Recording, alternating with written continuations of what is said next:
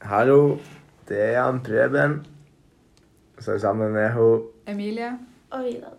og vi er Etikkgjengen. Og vi skal ha en podkast om etikk. Og da kan vi først starte med etikk. Og det er da læren om rett og galt.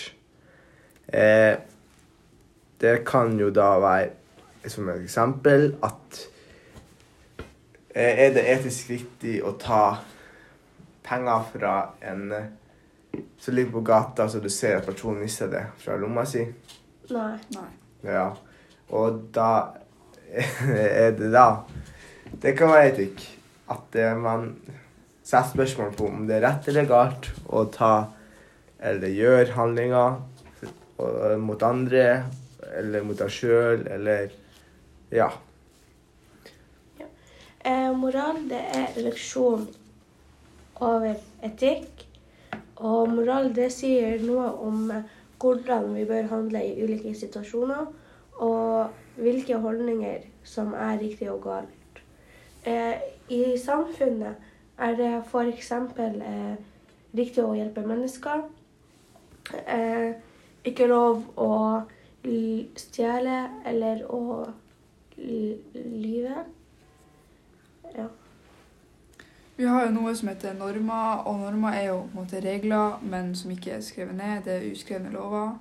Og det står ikke i loven at det ikke er lov til å rape under middagen eller ha beina på bordet, men det er jo veldig uhøflig, og det viser ikke noe respekt for de som er rundt deg, med å ha beina på bordet eller sitte og rape under middagen. Har du rapa noen ganger under middagen, Emilie? Ja, jeg har det, og det Nei. Følte du deg dårlig etterpå? Ja, Var det, var det flaut? ja, det var litt flaut. Og det er fordi det er norm for at man vet at det er galt. Så det er, det er en uskreven regel. Det er ikke noen regler i Norges lover om det. Men, det er veldig uhøflig. ja, og det er sånn Det sier seg sjøl man ikke skal gjøre det. Ja. Eh, Da har vi om verdi. Og verdi, det er at eh, det handler litt om eh, religion og om kulturell, kulturell og hvilke ulike verdier som mennesker, folk har. Det kan jo også være kjærlighet og tillit og lykke og sånn.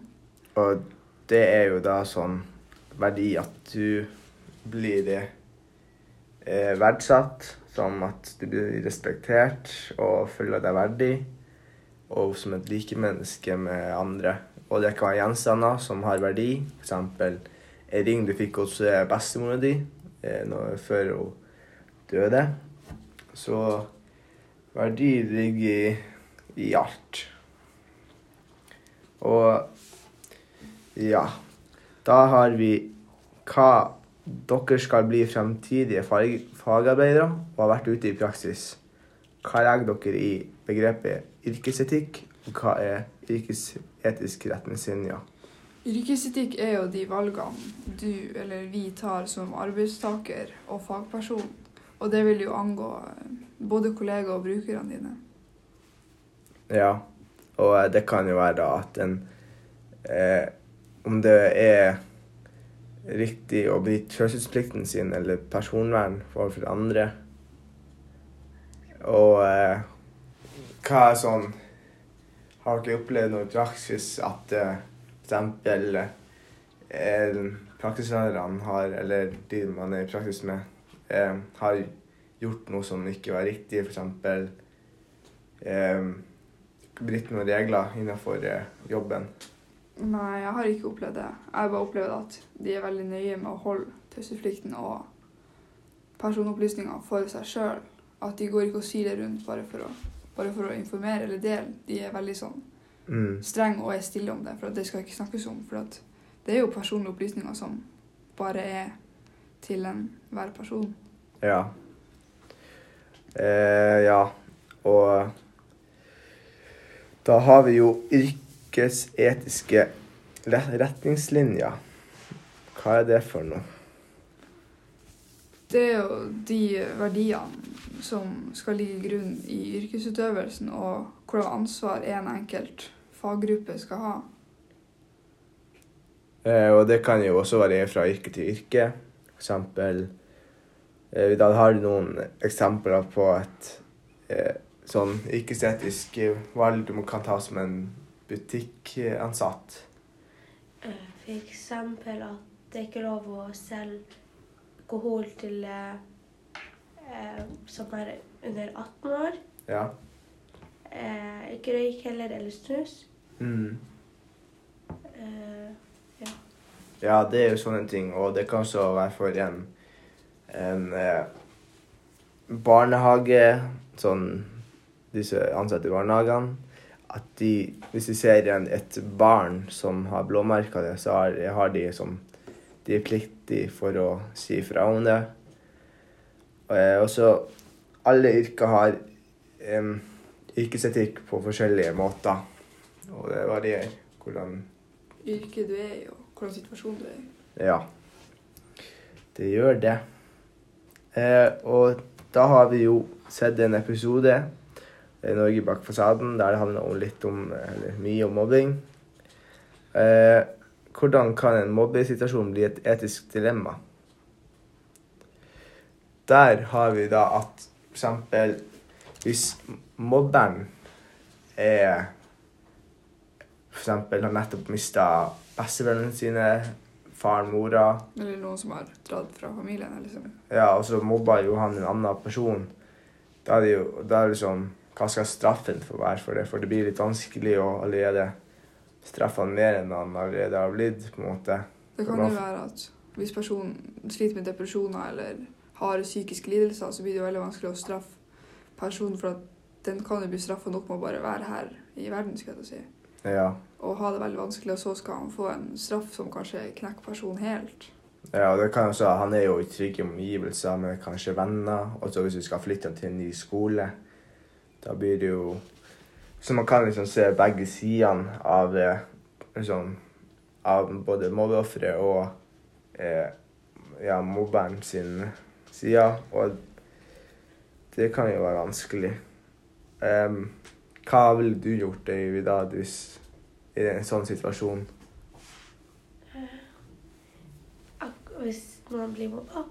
Ja, hvis mobbe, mobberen hadde da mista foreldrene sine, og du skulle måtte straffe han siden han mobba Eh, jeg kan prøve å ikke forsvare. Ja. Eh, prøve å late som at jeg ikke hører hva han sier, den personen. Ja, ja det er jo mulighet, det òg, men det blir jo liksom Da blir det bare trist for mobba fra òg, da. Altså, det går jo an å snakke med personen som har mobba, og bare spørre om det er noen grunn til at du mobba. Om er det noen bakgrunn på det. For det er Mm. mange som mobber hvis de har det fælt hjemme, så går det utover de som er vennene dine. Hvis jeg har det veldig fælt hjemme, så kan det jo gå utover dere. Fordi at jeg omgås med dere hver dag, på en måte. Ja. Og en annen situasjon kan f.eks. være at eh, klassekameratene dine, eller de i klassen, de er ikke med og mobber, men de stopper ikke mobbinga heller. Og hva skal de ha i straff? For de er ikke med på det, men de stopper det heller ikke. Så det er liksom eh, et dilemma om hva, hva man skulle gjort der. Hva som blir rett og galt. Ja. Sånn hvis jeg eh, Oidad hadde mobba Adil, og så hadde ikke jeg og Emilie sagt ifra om det, eller mobba han, lamme han Adil sammen med Oidad, så hadde Marie kommet inn og hørt der. Så da hadde jo Oidad fått straff for eh, hun hadde mobba.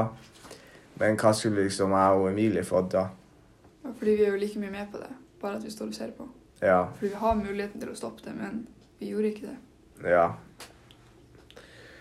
Så det er sånn en dilemma, og hva kan liksom eh, Hva kan en forelder gjøre i sånne her ting?